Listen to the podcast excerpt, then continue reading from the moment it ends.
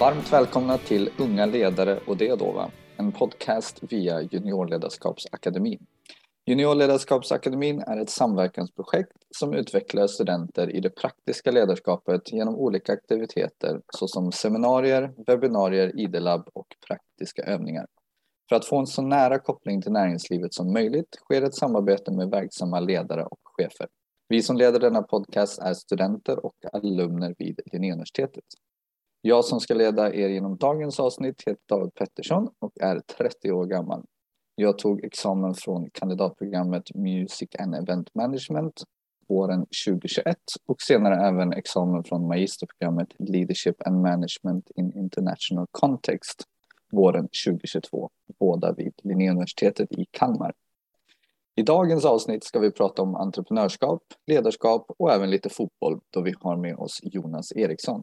Som en av Sveriges mest framgångsrika fotbollsdomare genom tiderna har Jonas en stor erfarenhet av ledarskap både på och utanför fotbollsplanen. Tillsammans med domarkarriären har Jonas även haft en karriär som entreprenör och företagare inom tv-rättigheter för sport.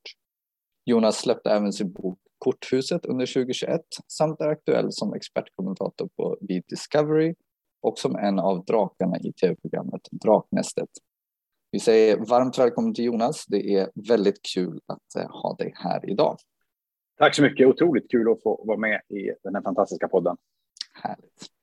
Vi kickar igång lite på, på ämnet entreprenörskap och jag tänkte att du skulle kunna få berätta lite om just din resa som entreprenör och vad entreprenörskap är för dig. Ja, det är ingen, det är ingen ja nej fråga direkt, utan jag är född i Luleå 1974 för 48 år sedan och det är klart att ordet entreprenörskap fanns inte i Luleå. Det, det fanns knappt någon som hade eget företag. Någon förälder någonstans som var egen företagare. Det var något otroligt ovanligt.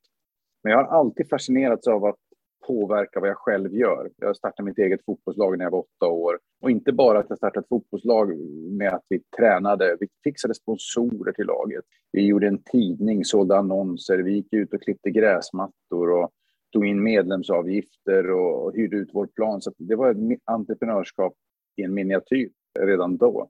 Sen märkte jag under min, min tidiga yrkeskarriär, jag är journalist, gillade att skriva men brann ännu mera för att egentligen göra det, det som jag tyckte var roligt, att sälja artiklar. Att istället för att skriva en artikel så bra som möjligt så skrev jag hellre åtta olika artiklar och sålde den till åtta olika tidningar. Till Västerbottens-Kuriren och skrev om den där löparen från Umeå till Smålandsposten för att skriva om den där duktiga friidrottaren från Växjö och eh, Hallandsposten så skrev jag om den här killen eller tjejen från Halmstad som var duktig. Så att identifiera kommersiella möjligheter. Och jag märkte att jag tyckte det var kul att koppla ihop saker och se möjligheter i affärer och skapa sin egen vardag, skapa sin eget sätt att utvecklas. Så det föddes där och sen har det ju bara utvecklats steg för steg. Ju äldre jag blivit, ju mer nyfiken jag blivit, ju mer folk jag lär känna, ju mer olika branscher, ju mer erfarenhet jag får så ser jag ju mer och mer möjligheter för varje dag, vecka, månad och år som går. Spännande. Men så då det här att du har känt dig som en entreprenör, det har liksom kommit mer och mer helt enkelt genom åren kan man säga. Alltså, om jag ska definiera mig själv så kan jag säga att det är väl inte förrän kanske senaste 15 åren som jag har sett mig själv som en entreprenör. Före det så jag såg mig som en, en kille som tyckte det var kul att ha roliga jobb. Och jag har hela tiden bytt jobb. Jag har alltid sagt att jag har drömjobb vad jag än har gjort. Men jag har hittat roligare och roligare jobb. Och, och, nu har jag mitt absoluta drömjobb när jag är entreprenör, startar upp företag, skalar upp företag, bygger företag, utvecklar dem på olika sätt. Dels med, med kapital, dels med kunskap, dels med nätverk. Men, men jag hade en fantastisk resa med att bygga upp ett bolag som heter IEC, ett rättighetsbolag inom sport-tv-branschen som, som jag och tre killar byggde upp från 98 till 2011, för att göra en lång historia kort. Men under den tiden så såg jag mig inte som entreprenör. Jag såg mig mer som företagsbyggare och mer som en person som tyckte det var kul att, att uh, ha kul på jobbet och hitta nya affärer och, och skapa nya relationer och uh, sätta ihop folk som inte hade varit ihop tidigare och affärsmodeller som inte hade testats. Det är mer än nu i, i, i, riktigt vuxen ålder som jag, som jag vet att jag är en entreprenör. Jag är en, en kille som tycker om att, att träffa folk på olika sätt som gör olika saker. Vad skulle du säga är det svåraste med att vara entreprenör? Det svåraste och mest utmanande med att vara entreprenör ska jag säga att det finns ingen riktig tydlig plan framåt alltid. Du vet inte vad som kan hända. Du kan ha en tanke vart du ska befinna dig om en vecka, en månad, ett år, men, men det är situationsanpassat väldigt mycket. Du tror att du ska bygga bolaget mot en viss eh, punkt, men, men, så händer det någonting i marknaden med elpriserna, med pandemin, med inflation, med en konkurrent. Eh, att det hela tiden gäller att vara på tå, alert, nyfiken, påläst och anpassa sig efter vad som händer just där eh, och då. Sen tror jag att det typiskt för en entreprenör handlar om att, att vara riktigt passionerad, tycka att det är väldigt roligt när man gör. Då har man inga problem att lägga ner mycket tid, jobba hårt. Om du däremot är entreprenör och tycker att du gör det jättetråkigt, att du har ångest på söndag för att du måste jobba på måndag, att du jublar på fredag när du äntligen får lämna jobbet, ja då är du nog inte rätt person att vara just den där entreprenören tror jag. Spännande. Eh, när du har byggt upp ditt intresse från, från eh, tidig ålder liksom upp mot entreprenörskap och den resan, har du haft några förebilder som du har sett upp till under den här resan eller som du kände att det här är den personen skulle jag vilja vara som? Det är en otroligt bra fråga och i efterhand så jag har inte haft det parallellt och löpande. och Jag har inte idag någon person som jag vill vara exakt som honom eller henne. Jag tror mycket av ledarskap, entreprenörskap kommer från att man måste vara sig själv. Jag kan inte tro att jag ska vara PG Gyllenhammar, Volvos legendariska vd och sätta en klocka på varje arm, sätta två klockor som han hade och sen agera som han gjorde.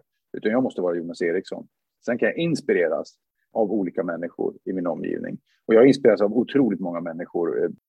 En lärare på gymnasiet jag hade som efter första lektionen satte alla namn på alla elever i klassen och som otroligt tydlig och med hans kunskap och hans retorik. Jag minns att det var en otrolig respekt för honom. Han är en förebild som jag har tagit lite delar av. Sen finns det andra som, som på vägen har format mig stort och smått. Människor i olika sammanhang. Det kan vara en människa jag aldrig har träffat. Jag läser en bok om någon eh, på, som, jobb, som är på ett visst sätt och plockar små fragment från olika och självklart har jag haft dåliga ledare, människor som inte har lett människor på ett bra sätt eller varit duktiga entreprenörer eller hanterat situationer. Och det har också inspirerat på att inte bli som dem. Så jag tror att det finns en, en balans där att kunna plocka goda exempel och ta bort de dåliga exempel och, och skapa sin egen roll. Men att inte glömma, man måste vara sig själv. Man kan inte tro att man är en annan. För människor som i alla sammanhang försöker vara någon annan än vad de egentligen är, det blir aldrig särskilt framgångsrikt, lyckat, bra eller långsiktigt för den delen. Vi ska hoppa vidare lite till eh, ledarskap. Och just ordet ledarskap kan man ju liksom, och begreppet kring ledarskap kan man ju hitta runt omkring oss i mer eller mindre allt vi gör i, i dagens värld i olika sammanhang. Men om man tittar på rent ledarskap, vilka egenskaper skulle du säga är extra viktiga att ha som ledare? Om du kunde plocka ut några vissa mm. speciella egenskaper. Jag tror en ledares egenskaper, man hör ju på ordet att man ska leda andra människor, det gäller att förstå sin roll. Eh, det är inte jag som ska bli bäst, starkast, mest framgångsrik, utan jag ska få ett team av människor runt omkring mig. Jag ska leda dem, hjälpa dem i rätt riktning, ge dem verktyg, förtroende. Eh, det är det ledarskap handlar om. Om man har som tanke att jag ska bli bäst personligen, då är man fel person att leda andra. Då passar man bättre som på ytterkanten och, och göra sin roll. Eh, det är nummer ett. Nummer två är att man, för mig i alla fall som ledare, chef, förstår andra människor. Empati är ju ett ganska enkelt ord att uttrycka, men att förstå andra människors roll, utmaningar, möjligheter, frustration och vilken situation. Eh, om jag är chef så ska jag nog kunna förstå hur det är att vara anställd, att vilja ha det där lönesamtalet och kunna byta plats med den som finns på andra sidan. Jag tror att det är otroligt viktigt som ledare att veta vad man är expert på och vad man inte är expert på. Och när man inte är expert så ska man lyssna mycket. Vad tycker du? Hur tycker du vi ska göra det här? Vad är viktigt för dig? Och därmed vara prestigelös. Prestigelös på så sätt att man inte tror att man kan allt, vet allt och kan ändra sig. Okej, okay, jag trodde så här, jag tänkte så här, men du har en jättebra synpunkt. Jag lyssnar på dig, vi kör på det.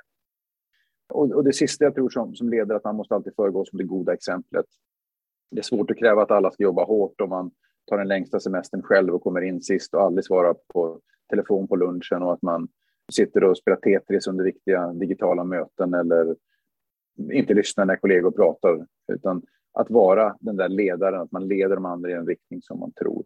Jag tror också som på slutet det där med ledarskap att Vi har så mycket algoritmer, Excel-ark, robotar som styr processer idag på olika sätt. På gott, men på ont när det gäller att leda människor. Då måste vi göra det med, med glädje, humor, eh, skapa gott tillstånd, bra energi, att vi har roligt, att vi driver saker framåt tillsammans. Det är då det blir framgångsrikt, när människor mår bra och då presterar man oftast på absolut bäst sätt också.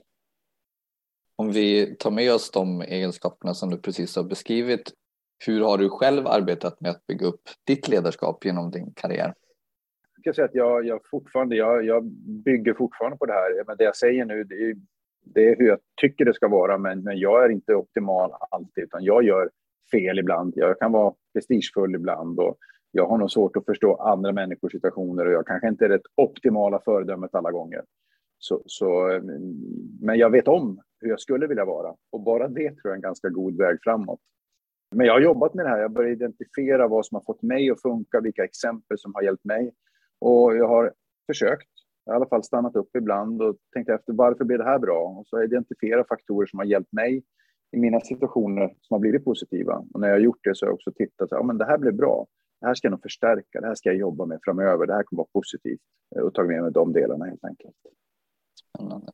Om vi kopplar tillbaka lite till entreprenörskap som vi pratade om. Hur skulle du säga att man kan dra nytta av sina kunskaper kring ledarskap i just sitt entreprenörskap? Ja, men jag, jag tror att eh, det viktigaste ordet för, för en entreprenör, eh, en entreprenör ser man ju oftast som att man är sin egen chef, sin egen ledare. Och då kan man säga, men då behöver man ingen ledarskap, för man är ju sin egen chef. Men det viktigaste ordet vi pratar om där, det är självledarskap. Att man leder sig själv. Att man klarar av att ta hand om sig själv och, och driva processen, ha disciplin och vara motiverad och inspirera andra människor. Man pratar ju jättemycket om självledarskap inom idrotten. Om man tycker att Zlatan Ibrahimovic är, världens bästa eller var världens bästa fotbollsspelare så blev ju inte han det för att han hade bäst chefer, det vill säga tränare och ledare. Utan han blev ju bäst för att han kom till träningen en timme före alla andra, gick ner i gymmet och körde styrka. Sen under träningen så lyssnade han på vad tränaren sa, anpassade sig, jobbade hårt, gjorde sitt yttersta i alla situationer. Och sen stannade han kvar en timme och slog frisparkar. Det är självledarskap. Det är när du vill bli lite bättre än alla andra. Och samma sak är för en entreprenör.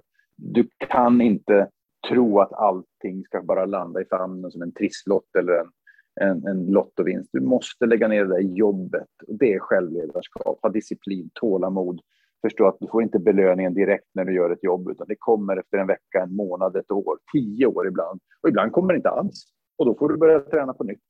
Och där handlar det om att ha ett, ett ledarskap, att kunna leda sig själv och verkligen ha en, en lång horisont på det. För att framgång kommer, men ibland tar det olika lång tid. En entreprenörs bästa egenskaper brukar vara att man är tidsoptimist, men det är också en baksida att man är rastlös. Allt ska hända på en gång. Nästan alla processer tar betydligt längre tid än vad man tror och det, det är väldigt tydligt för mig, har varit i alla fall. Spännande.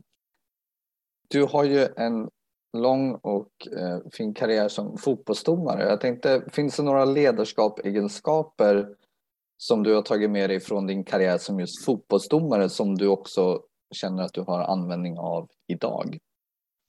Ja, det är jättemycket, väldigt mycket av, det jag pratade om tidigare, de egenskaperna som jag inte riktigt såg under tiden jag var på fotbollsplanen. För ibland är det så när man befinner sig mitt i någonting, en process eller ett arbete, så ser man inte helheten, man ser inte vad man gör för någonting.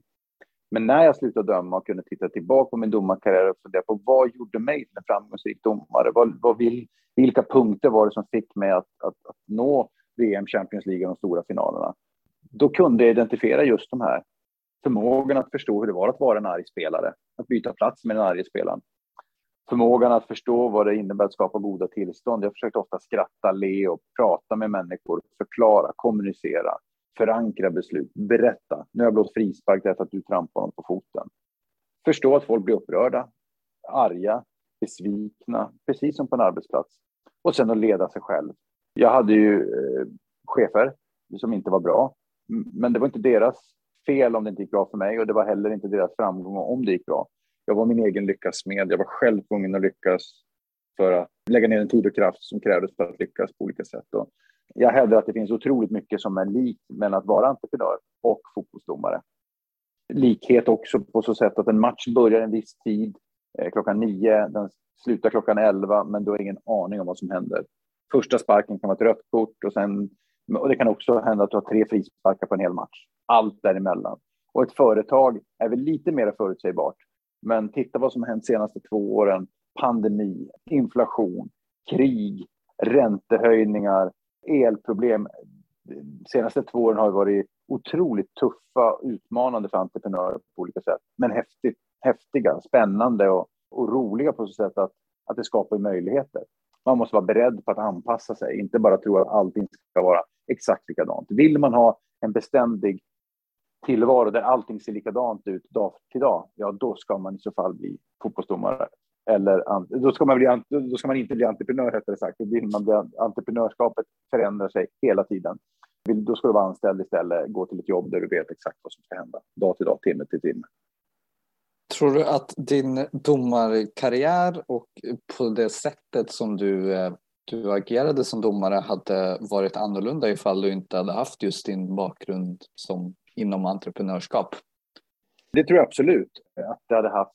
Jag märkte att jag blev en bättre domare för att jag hade en entreprenöriell bakgrund. Jag var duktig på att förbereda mig, göra saker professionellt, tänka i nyckeltal, utvärdera mig själv, hela tiden se till att försöka analysera mig själv och mina kollegor, lägga ett pussel, förbättra mig själv inför varje match. På samma sätt som att driva ett företag, man ska förbättra sig inför nästa verksamhetsår, nästa bokslut, sätta nya mål, inte vara nöjd med att ha nått en miljon i omsättning och 100 000 i vinst, utan då vill man nå två miljoner i omsättning och, och 300 000 i vinst och så vidare. Så att eh, stresståligheten, ta beslut, inte vara rädd för att ta beslut, vara beredd att det blir felaktiga beslut ibland. Så att allt det här, det, det, fanns, eh, det fanns med på, på väldigt många olika sätt.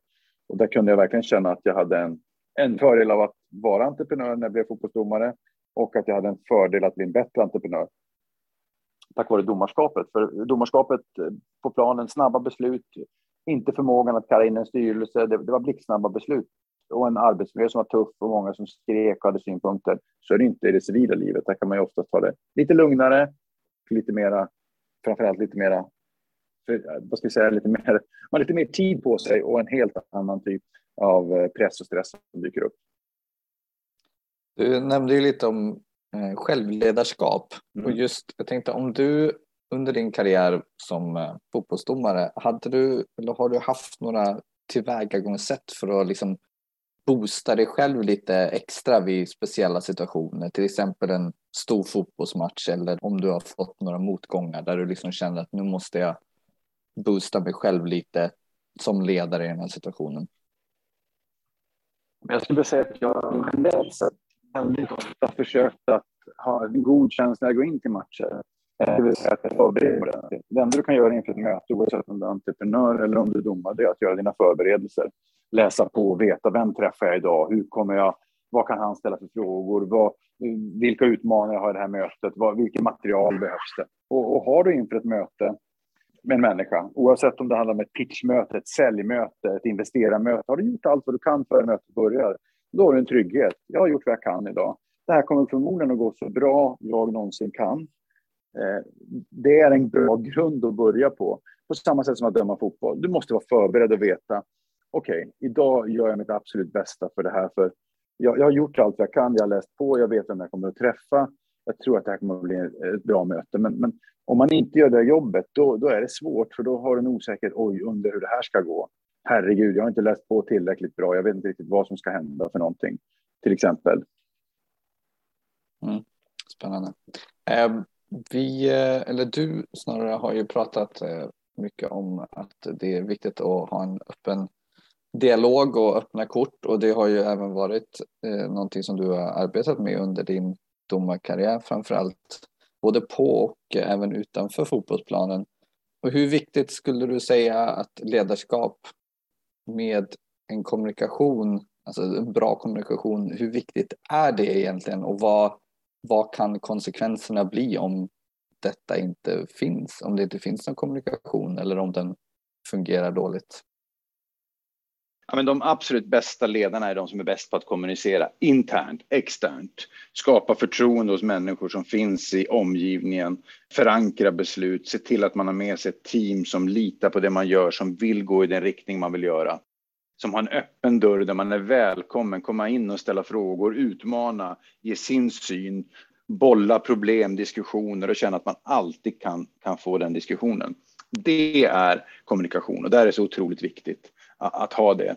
Eh, och jag tror att eh, om man inte kommunicerar, då får man missnöjd personal. Man uppnår väldigt sällan de resultat man vill och man får en hel del problem också på vägen. Så att för mig är det en självklarhet att göra det. Och återigen, jag gör säkert inte allting rätt hela tiden, men jag tror i alla fall att jag, att jag är på rätt väg när, när jag pratar om, om kommunikation, att man försöker berätta varför man tar beslut. Man blir inte bättre för att man stänger en dörr, utan folk vill ju faktiskt vara involverade, delaktiga, nyfikna. Vad händer? Varför ska vi göra på det här sättet? Varför ska vi satsa på den marknaden? Och om du har bestämt dig för att det är på det sättet, då är det bättre att berätta det. Men också vara beredd att bli utmanad. Men ska vi verkligen öppna ett kontor där? Ska vi inte göra si eller så? Och vara prestigelös. Återigen, prestigelöshet är en otroligt viktig egenskap när man ska leda människor. Hur, hur skulle du säga att du har arbetat med just de här eh, aspekten av kommunikation i ditt ledarskap? Jag har ju försökt tänka på det. Jag har ju alltid tyckt att de bästa ledarna, cheferna som jag har haft i mitt liv och fotbollsdomarna jag har haft, det är alltid de som har varit de bästa på att kommunicera. Som har varit de som har varit duktiga på att berätta om sina beslut, förankra, diskutera, involvera, lyssna på vad jag tycker. Om jag är expert på ett område så vill jag att de ska lyssna på mig. Och det innebär att jag själv har försökt agera på det sättet. Okej, okay, vad tycker du vi ska göra? Om du hade varit i mina kläder, vilket beslut hade du tagit då? Vad skulle vi göra? Så att, att vända på det, att vara beredd att lyssna på folk helt enkelt. För jag tror att det ger väldigt, väldigt mycket att man har den, den diskussionen med eh, de man jobbar med. För då blir de engagerade, involverade. Då kommer de att vilja springa betydligt snabbare framöver om de känner att de är delaktiga. Om man nu råkar ut för en ledare som eh, inte besitter de här egenskaperna, absolut inte kan kommunicera, hur, eh, hur skulle du säga att man hanterar den situationen och den dåliga ledaren? Nej, jag skulle säga så här. Jag skulle säga att eh, om man har en person som inte är som är chef som inte har de egenskaperna. Jag skulle aldrig välja att jobba med en sån.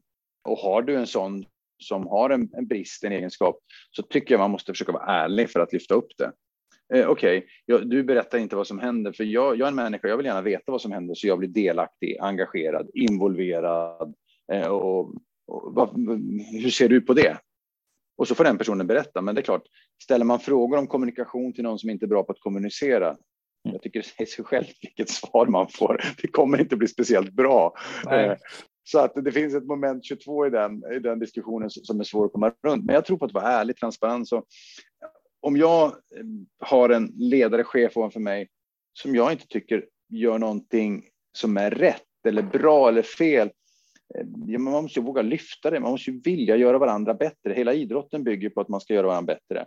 Är jag högeryttermittfältare vill jag ha bollen på högerfoten. Men då ska du göra mig bättre. Det gör mig bättre. Om jag är högeryttermittfältare i laget och du är chef, du kan inte spela bollen på vänsterfoten, på vänsterkanten, för där trivs jag inte. Där är inget bra. Utan gör mig bättre. Då kommer resultatet bli bättre för hela laget. Då. Det är en ledares roll att hitta vem ska spela högeryttermittfältare, vem ska vara toppforward, vem ska vara på mitten i mittfältet. För du behöver folk som är bra på olika saker och det handlar om att pussla ihop det. Eh, och, och, så kanske det är så här, ja, men, sorry David, du, du måste spela på vänsteryttermittfältet, men jag ska spela på högerfoten hela tiden. Okej, okay, du får igenom 50 procent av dina önskemål. Ja, men det är en början i alla fall. Och sen blir det platsen på högeryttermittfältet ledig så småningom. Men då kanske det är dags att ta, ta den platsen i så fall. Yes.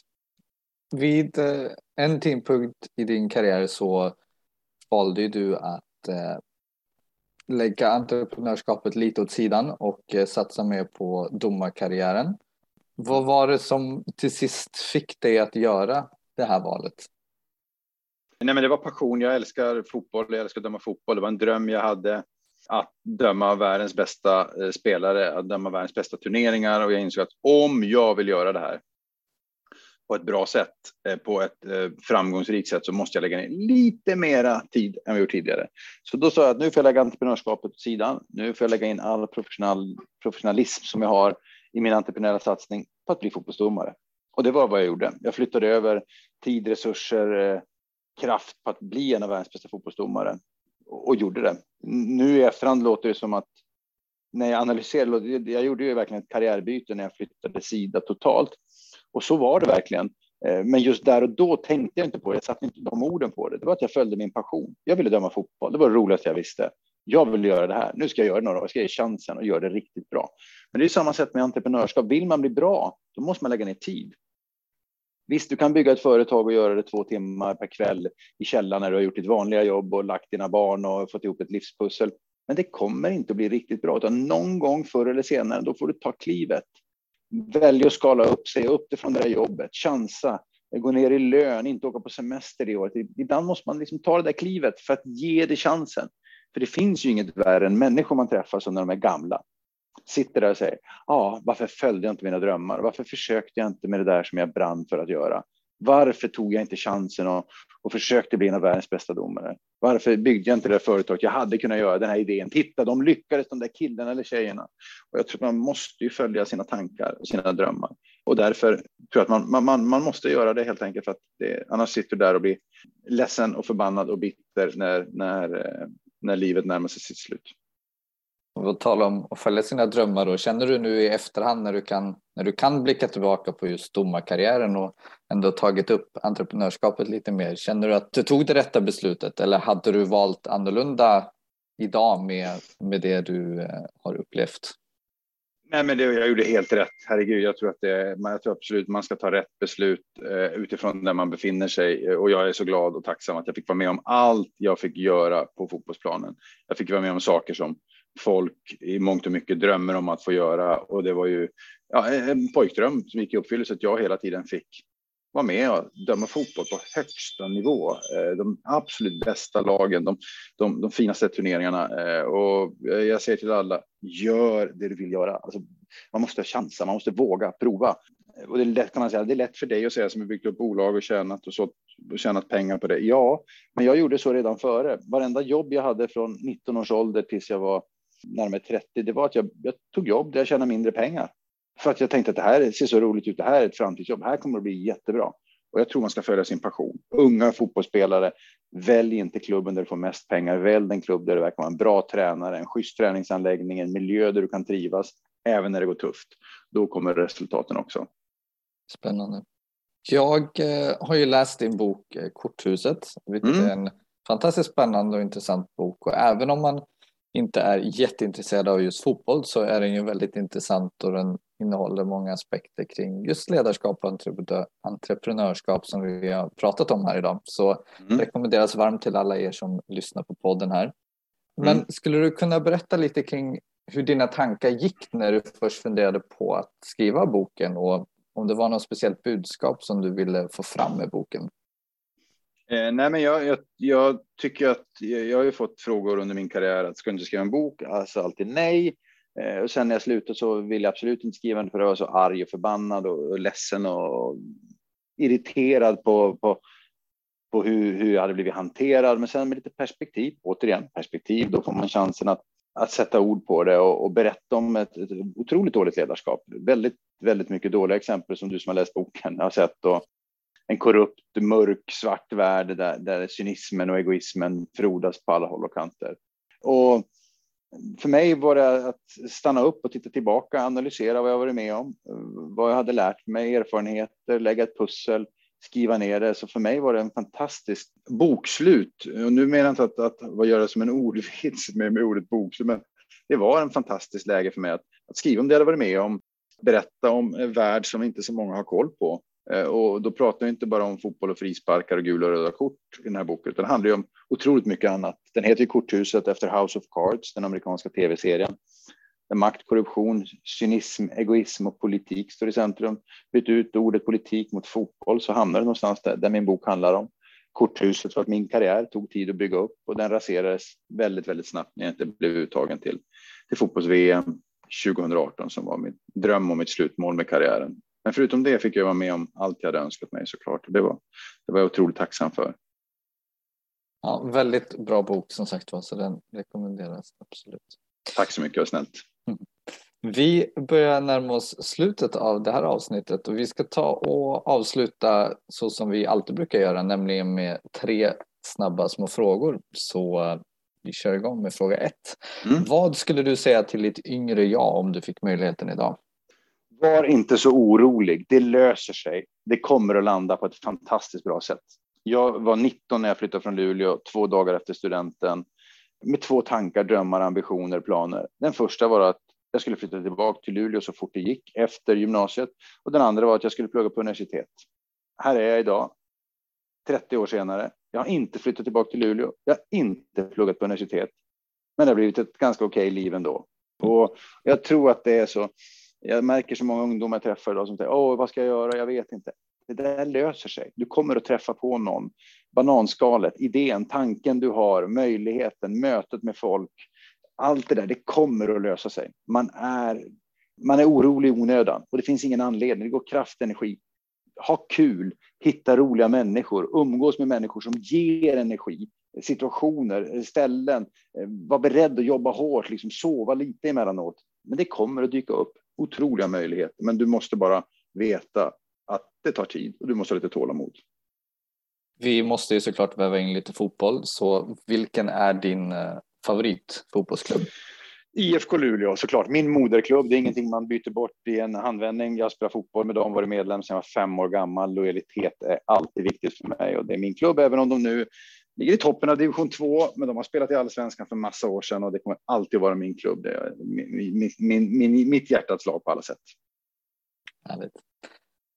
Varför ska man bli entreprenör eh, eller ledare? Ja, för mig handlar det om att man, man verkligen ska ge sig själv möjligheten att påverka vad man vill göra. Ge sig själv att, att skapa någonting på egen hand. Eh, att leda sig själv och kunna påverka resultaten, det, det finns ju inget bättre. I alla fall inte för mig och för väldigt många människor. Och brinner man för någonting, må det vara djur eller eh, sälja sängar eller eh, bygga digitala produkter eller intervjua eller träning och hälsa. Du får ju välja vad du ska jobba med. Vilket privilegium. Du kan välja vad du vill jobba med. Du kan välja hur mycket du ska jobba, när du ska jobba. Det finns så mycket positivt kring det hela och du kan förändra så många andra människors liv genom att du väljer att ta den entreprenöriella banan. Så att ingen tvekan, man måste helt enkelt ta chansen om man får den vid rätt läge. Om man vill följa dig och ditt arbete och vad du gör lite närmare Jonas nu efter den här podcasten, hur går man tillväga då? Vart kan man hitta dig? Ja, jag har under hela min domarkarriär haft skyddad identitet, det vill säga jag varit omöjlig att få tag i. Och i dagsläget så eh, jag öppnade upp för två år sedan öppnade upp en Instagram-konto där jag lägger ut lite blandat, lite kort om lite kort om vad jag ska göra för någonting, inte för mycket, för jag brukar inte vilja berätta allt för mycket. Men jag brukar i alla fall kunna berätta lite grann om lite företag, lite tankar, lite grann om fotboll. Jag är ju fotbollsmänniska. Eh, jag blir tokig när jag hör folk diskutera regler och ha fel, så ibland brukar jag liksom lägga ut och förklara lite roliga, tokiga, roliga fotbollsklipp, lite entreprenörskap, lite däremellan. Där kan man också komma i kontakt med mig. Jag hinner inte svara på alla DM dessvärre. Jag är jätteledsen. Jag försöker, men jag har nästan 20 000 följare och det brukar ja, jag får alldeles för mycket för att hinna med. Jag försöker göra det, men där finns det också en länk. Jag har en agentur jag jobbar med som heter Next Level Group som, som är jätteduktiga på att sortera mina samarbeten och liknande. Så den vägen är, är jag ganska enkel att få kontakt med om man vill. Härligt. Och vi vill även pusha för att ni gärna får följa oss på juniorledarskaps, Juniorledarskapsakademin på Instagram och LinkedIn och om man vill komma i kontakt med oss här på podden så kan ni även läsa mer på ledarskap.se. Och med det så säger vi stort tack Jonas för att du ville vara med oss här idag. Eh, det har varit väldigt kul och intressant. Tack så jättemycket. Det var en ära att få vara med och jag märker att när jag sitter och pratar vilken lyx jag får sitta på arbetstid och prata om entreprenörskap, ledarskap, de sakerna jag brinner mest för. Det är fantastiskt.